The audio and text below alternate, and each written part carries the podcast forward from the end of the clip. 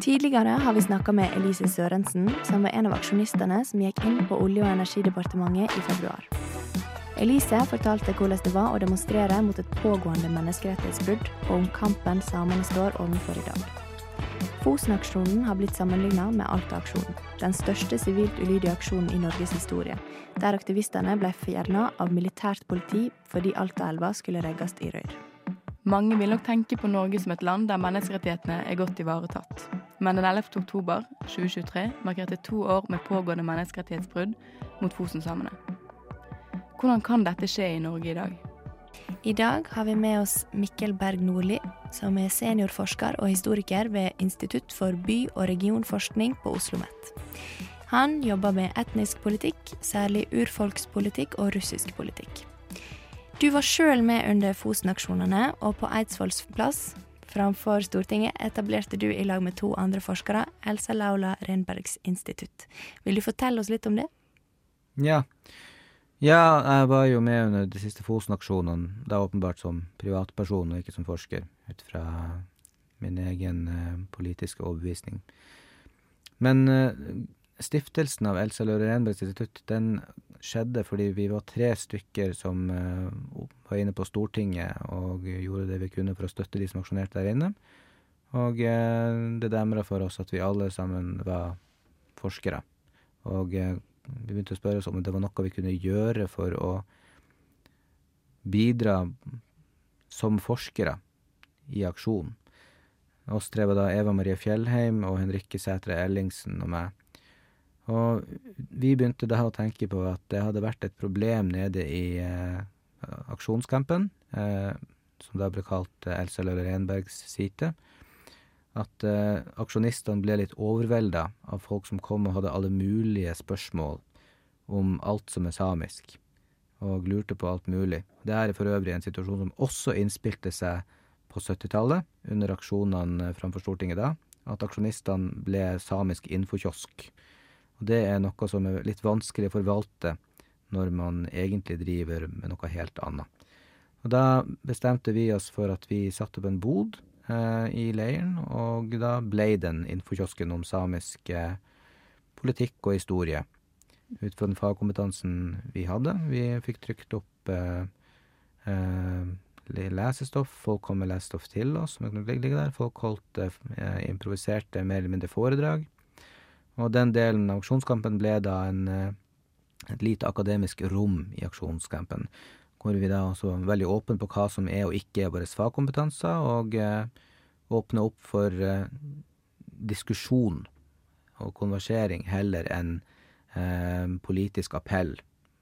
At man også tok imot folk som kom og hadde kritiske spørsmål til aksjonen, og lot dem si sitt, og eh, ja, ga dem eh, informasjon som eh, et objektivt grunnlag. Selv om vi på en måte ikke kan kalle oss nøytrale, siden vi var også åpne på at vi støtter aksjonen, så er vi som forskere også pliktige å være objektive i det vi leverer fra oss. Men det opplevde vi, og jeg tror alle som var innom eh, campen også, også de som var kritiske til aksjonen, som et eh, interessant bidrag til det hele. Og vi har jo da fortsatt eksistere i etterkant, eh, og hva vi skal gjøre videre ut av oss, vet vi ikke helt. Men vi er nå et nettverk som er til stede, i hvert fall, og står klart til nye ting skjer i forbindelse med Fosen-aksjonen.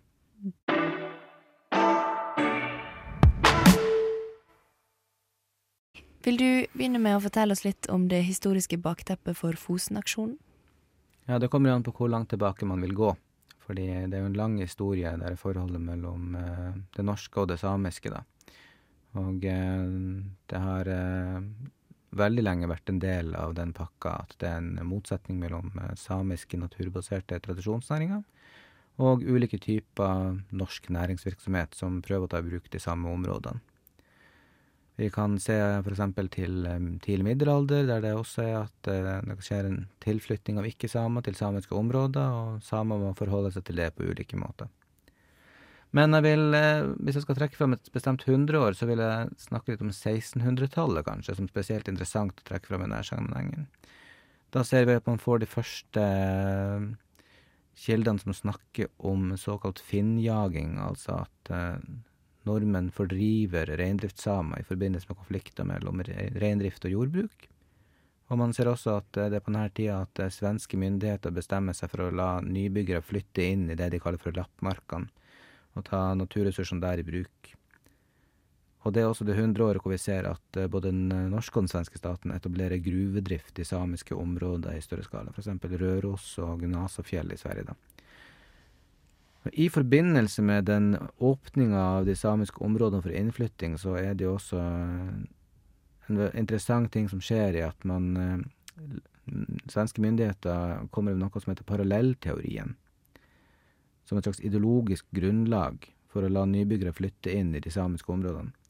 Og parallellteorien, den går helt kort fortalt ut på at nye ikke-samiske næringer og gamle samiske næringer kan sameksistere i de samme områdene fordi de ikke benyttes av det samme ressursgrunnlaget.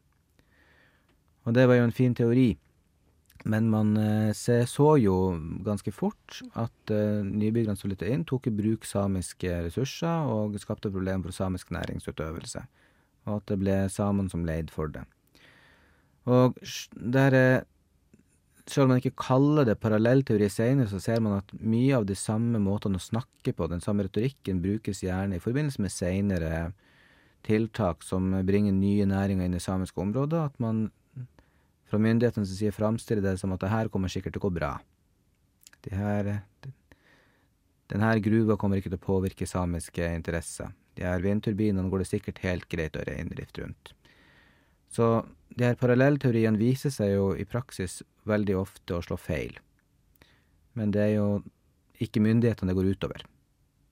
Det er jo den andre parten i forholdet det går utover.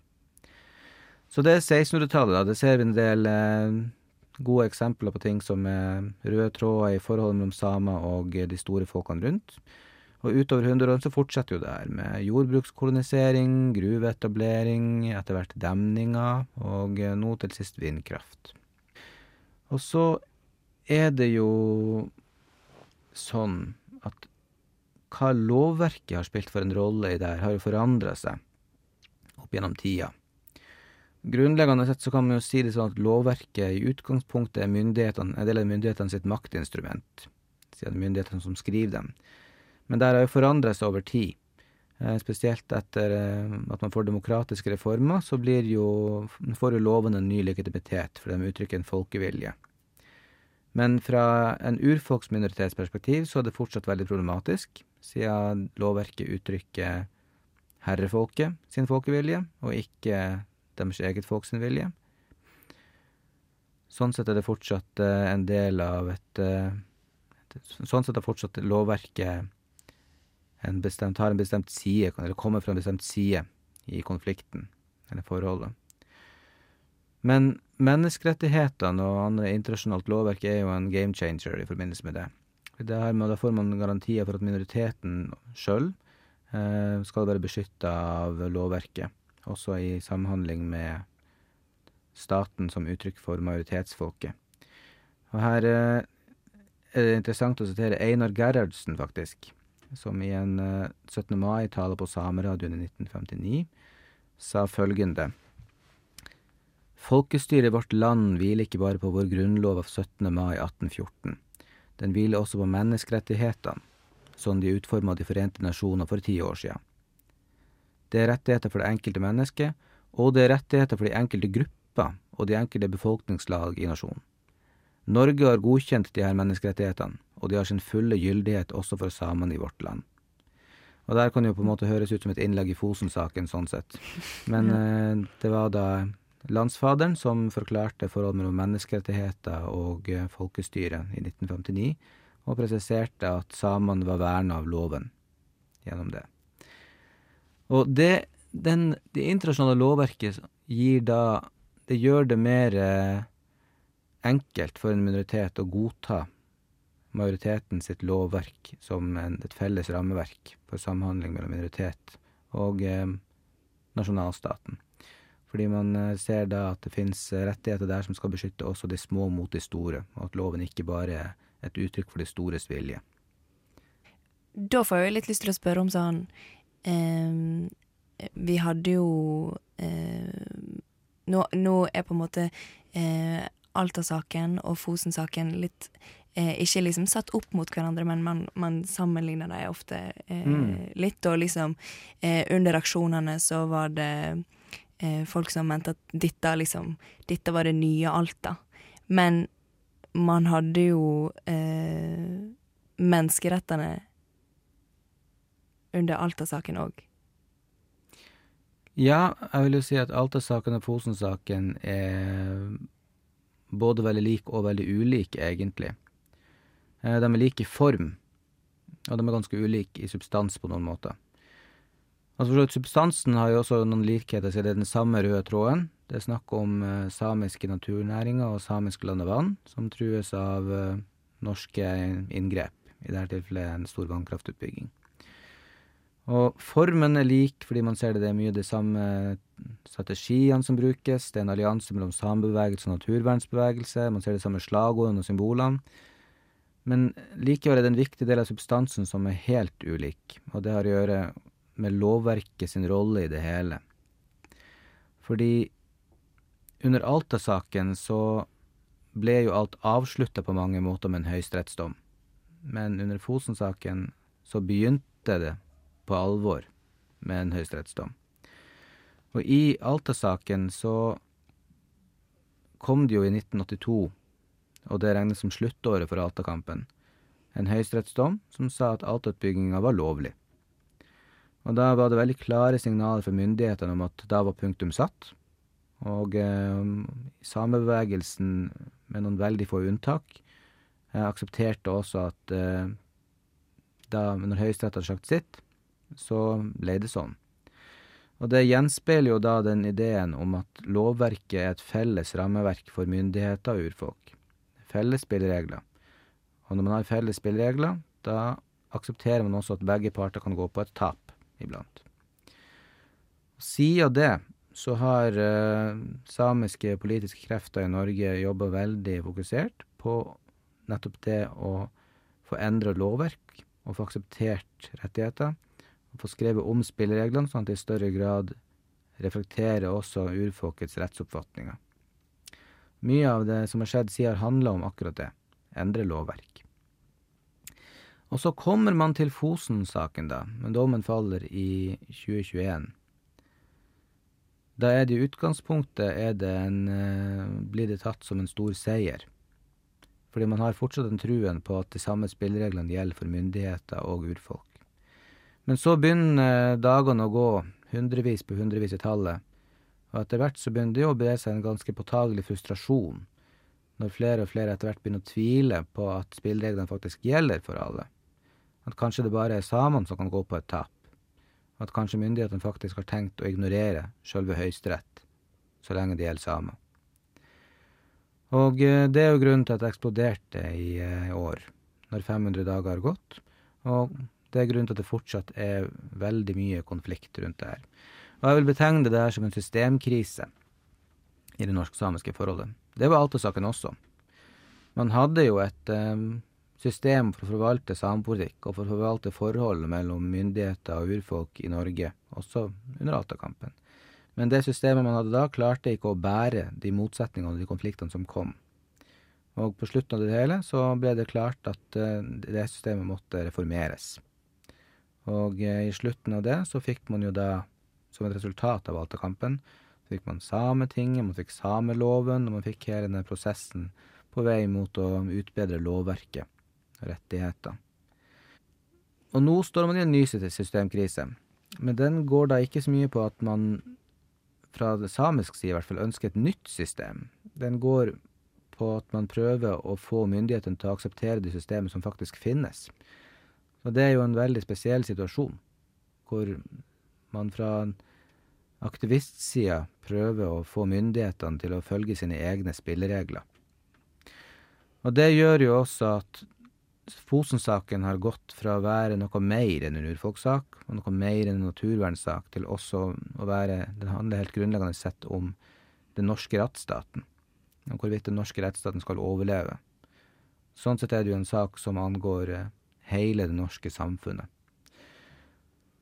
Og det er jo eh, interessant å tenke over hvorvidt den egentlig da har fått den oppmerksomheten den fortjener. Den har jo blitt den har jo veldig prega året som har gått. Det har blitt en av de store politiske sakene i Norge. Og det er jo en bragd i seg sjøl å få en samepolitisk sak til å bli en av de store politiske sakene i Norge. Men eh, det som kanskje mangler, er å få etablert den oppfatninga om at det er ikke bare en samepolitisk sak, det er en sak som angår alle. Og det er noe av grunnen til at institusjoner som Norges institusjon for menneskerettighet og Dommerforeninga er veldig klar og tydelig på at dette er en slags krise for Norge som samfunn. Men så langt så virker det ikke som den, så vidt jeg ser det hvert fall, virker det ikke som den oppfatninga har sunket helt inn for alle. For folk som ikke har noe med det samiske å gjøre, folk som ikke bryr seg noe om naturvern. Mm. At det her er faktisk noe som på sikt kan remme deres egen frihet og trygghet. Men det er jo ofte sånn i stater som sklir ut, at det begynner med at man eh, bryter rettighetene til grupper som få bryr seg om. Og så, 20 år seinere, så eh, sitter majoriteten der og lurer på hvor rettsstaten ble av. Så det er jo noe å tenke på også for eh, Norges politiske framtid, det vi ser i dag utspille seg. Den der holdninga om at lover og dommer er noe som man kan ha et litt fleksibelt forhold til.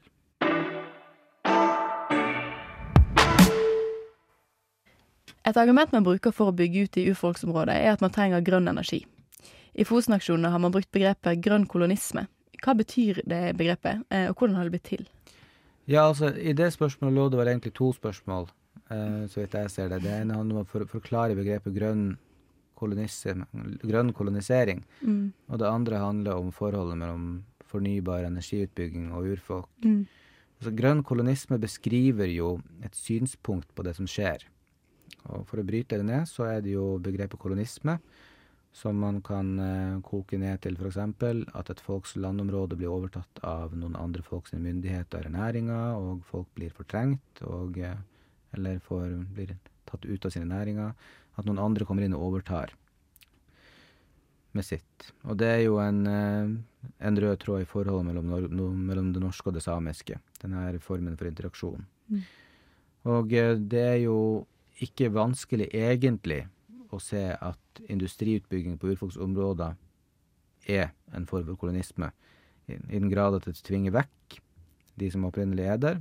Det tvinger vekk de næringene som er der. Tvinger folk ut av sin kultur tar fra dem muligheten til å uttrykke sin kultur og leve i sin kultur, og fornorsker landet på en måte at det samiske blir tvunget vekk, og norske industriinteresser kommer inn. Det er kolonisering. Så, så det det feste begrepet grønn på dem. Det er jo, sånn som jeg oppfatter en reaksjon på at de her industriprosjektene omtales som en del av det grønne skiftet. Mm. Med større eller mindre eh, virkelighetsnærhet. For det å kalle det grønt er jo i utgangspunktet et retorisk grep for å få industriprosjektene til å bli mer spiselige. Og så vil det jo ulik grad være substans og virkelighet bak det der retoriske grepet. Om det faktisk gir eh, bidrar positivt i det grønne skiftet eller ikke. Der går det jo mange debatter. Men ja, så det grønn, grønn kolonisme beskriver egentlig bare koloniserende atferd overfor urfolk og urfolksnæringer som gjøres med en grønn retorikk, som kan være mer eller mindre eh, substans i. Altså når det gjelder forholdet mellom det grønne skiftet og urfolk, så er det jo Hvis man tar som premiss at det må bygges ut mer fornybar energi, så er det jo fortsatt spørsmål om hvor man skal gjøre det. Mm.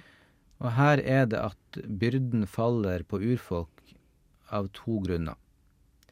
Det ene er at det er politisk enkelt å la store inngrep gå utover en minoritet og ikke majoriteten, fordi minoriteten har mindre ressurser til å slåss mot utbygginga. Og det andre er at det iblant er juridisk enklere, fordi man ser at uh, urfolk har fått anerkjent mindre rettigheter til sitt eget land, rett og slett står juridisk svakere. Så det handler jo om egentlig å videreføre gamle koloniale mønstre, det også. Så man kan, man kan jo argumentere for at et folk som har sin egen stat, moralsk sett burde velge å bygge ut i sine egne områder, i de områdene som rammer sin egen kultur, og ikke gå løs på den minoriteten som den har satt ute av stand til å forsvare sine egne interesser. Det er noe veldig nådeløst ved den måten å fare fram på. Men sånn er det jo her i verden, at makta rår. Mm. Og så får de små bare slåss så godt de kan. Og så eh, er det på en måte Det er mange prosjekt eh, ja, i dag som liksom blir omtalt som eh, eh grønne industriprosjekt, eh, og eh, at, at, liksom Det nye argumentet for å bygge ut Det har alltid vært et argument for å bygge ut, mm. men det nye er at nå trenger vi det enda mer.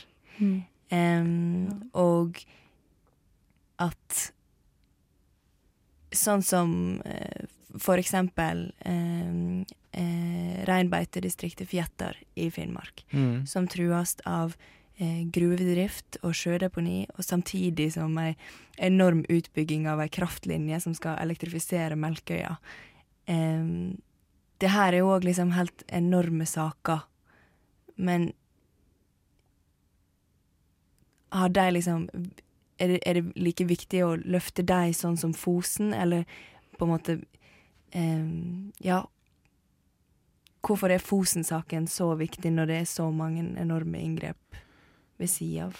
Det er vel to grunner. Altså Det ene er at uh, Fosen-saken altså Det er jo ikke sånn at den ene reineieren er mindre viktig enn den andre. Men uh, Fosen-saken det handler om en spesielt sårbar del av samisk kultur. Det dreier seg om en indre samisk minoritet, den sydsamiske minoriteten, som i større grad enn den nordsamiske majoriteten har en kultur som har reindrift, som bærebjelke. Reindrift er også en viktig bærebjelke i nordsamisk kultur, men der har kulturen flere bein å stå på likevel. Eh, men i sydsamisk kultur så er det virkelig der har kulturen blitt underminert så lenge at uh, reindrifta mange steder er det eneste som står igjen av samekulturen og samisk identitet overhodet. Der står den også veldig svakt. For det er få, få mennesker igjen i næringa, fordi den har vært så lenge under press. Det brukes iblant som et argument for at den ikke er så viktig, at det er få mennesker i den, men det er jo fordi den har stått lenge under press. Og nå kan korthuset rase sammen. Fordi hvis man, tar, hvis man tar mer av det som er igjen, så det har å gjøre med å beskytte med en indre minoritet innad i det samiske også. Men hovedgrunnen til at den blir så viktig nå, er jo at den har å gjøre med at den utfordrer hele fundamentet for samhandling mellom urfolk og myndigheter i Norge. Fordi man har da den situasjonen at eh, myndighetene nå er i ferd med å slutte å følge spillereglene. Og dermed har den ikke bare Den er ikke bare viktig for Fosen-samene. Den er ikke bare viktig for reindriftsnæringa. Den er ikke bare viktig for samene som sådan, den er viktig for alle i Norge. For den handler om at myndighetene slutter å følge sine egne spilleregler. Og det er ikke bare de spillereglene som forvalter forholdet mellom samer og, no og norske myndigheter. Det er også de spillereglene som forvalter forholdet mellom nordmenn generelt og norske myndigheter. Så det er grunnen til at Fosen-saken løftes fram av alle de her sakene.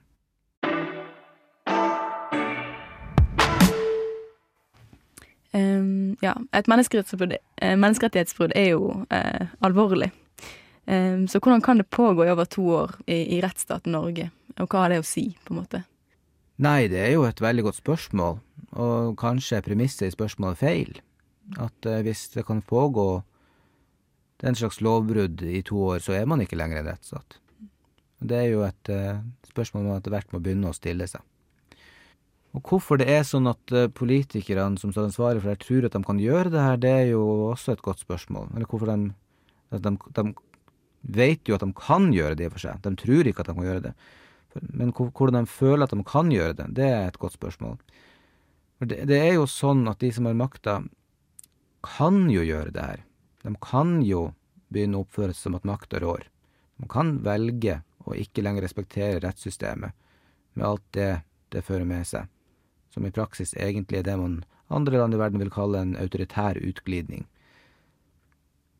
Vil man kalle det det i Norge? Man gjør jo ikke det. Eh, de er jo så trivelige, de politikerne. Og de har jo folket bak seg og alt mulig. De stiller til valg og Men eh, hvis man skal la handlingene til folk definere hvordan man omtaler dem, så er jo det man ser at man har politikere som ikke lenger forholder seg til Høyesterett. Og i andre land så ville vi kalt det en autoritær utglidning. Og så er spørsmålet hvordan de eh, føler at de kan gjøre det her, da.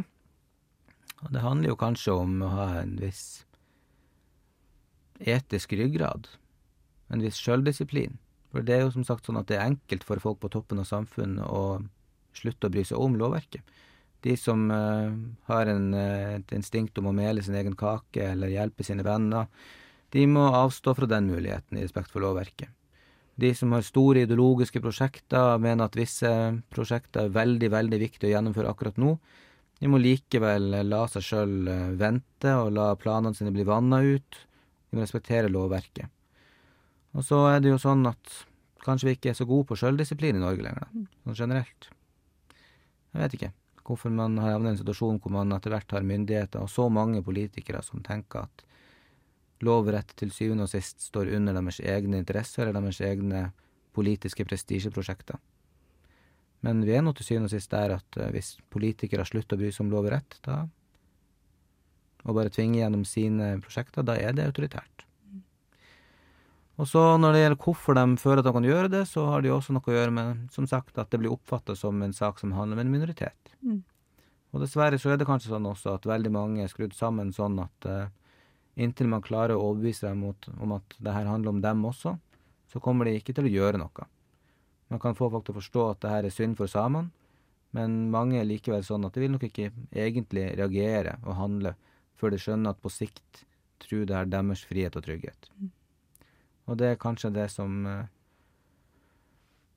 Sånn som jeg ser det, i hvert fall kanskje det neste trinnet bør være i Fosen-aksjonen. Og prøve å jobbe mer med å få folk til å skjønne at det her angår dem. Og at det her handler om hvordan samfunn Norge er om 20 år.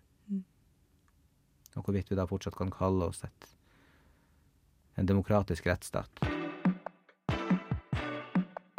Du har hørt en episode av Putchpodden. Jeg heter Sigrid Hoddevik Losnegård, og med meg i studio i dag har jeg hatt Johanna Haukanes Leivestad, Mikkel Berg Nordli som gjest og Stian Henriksen på teknikk.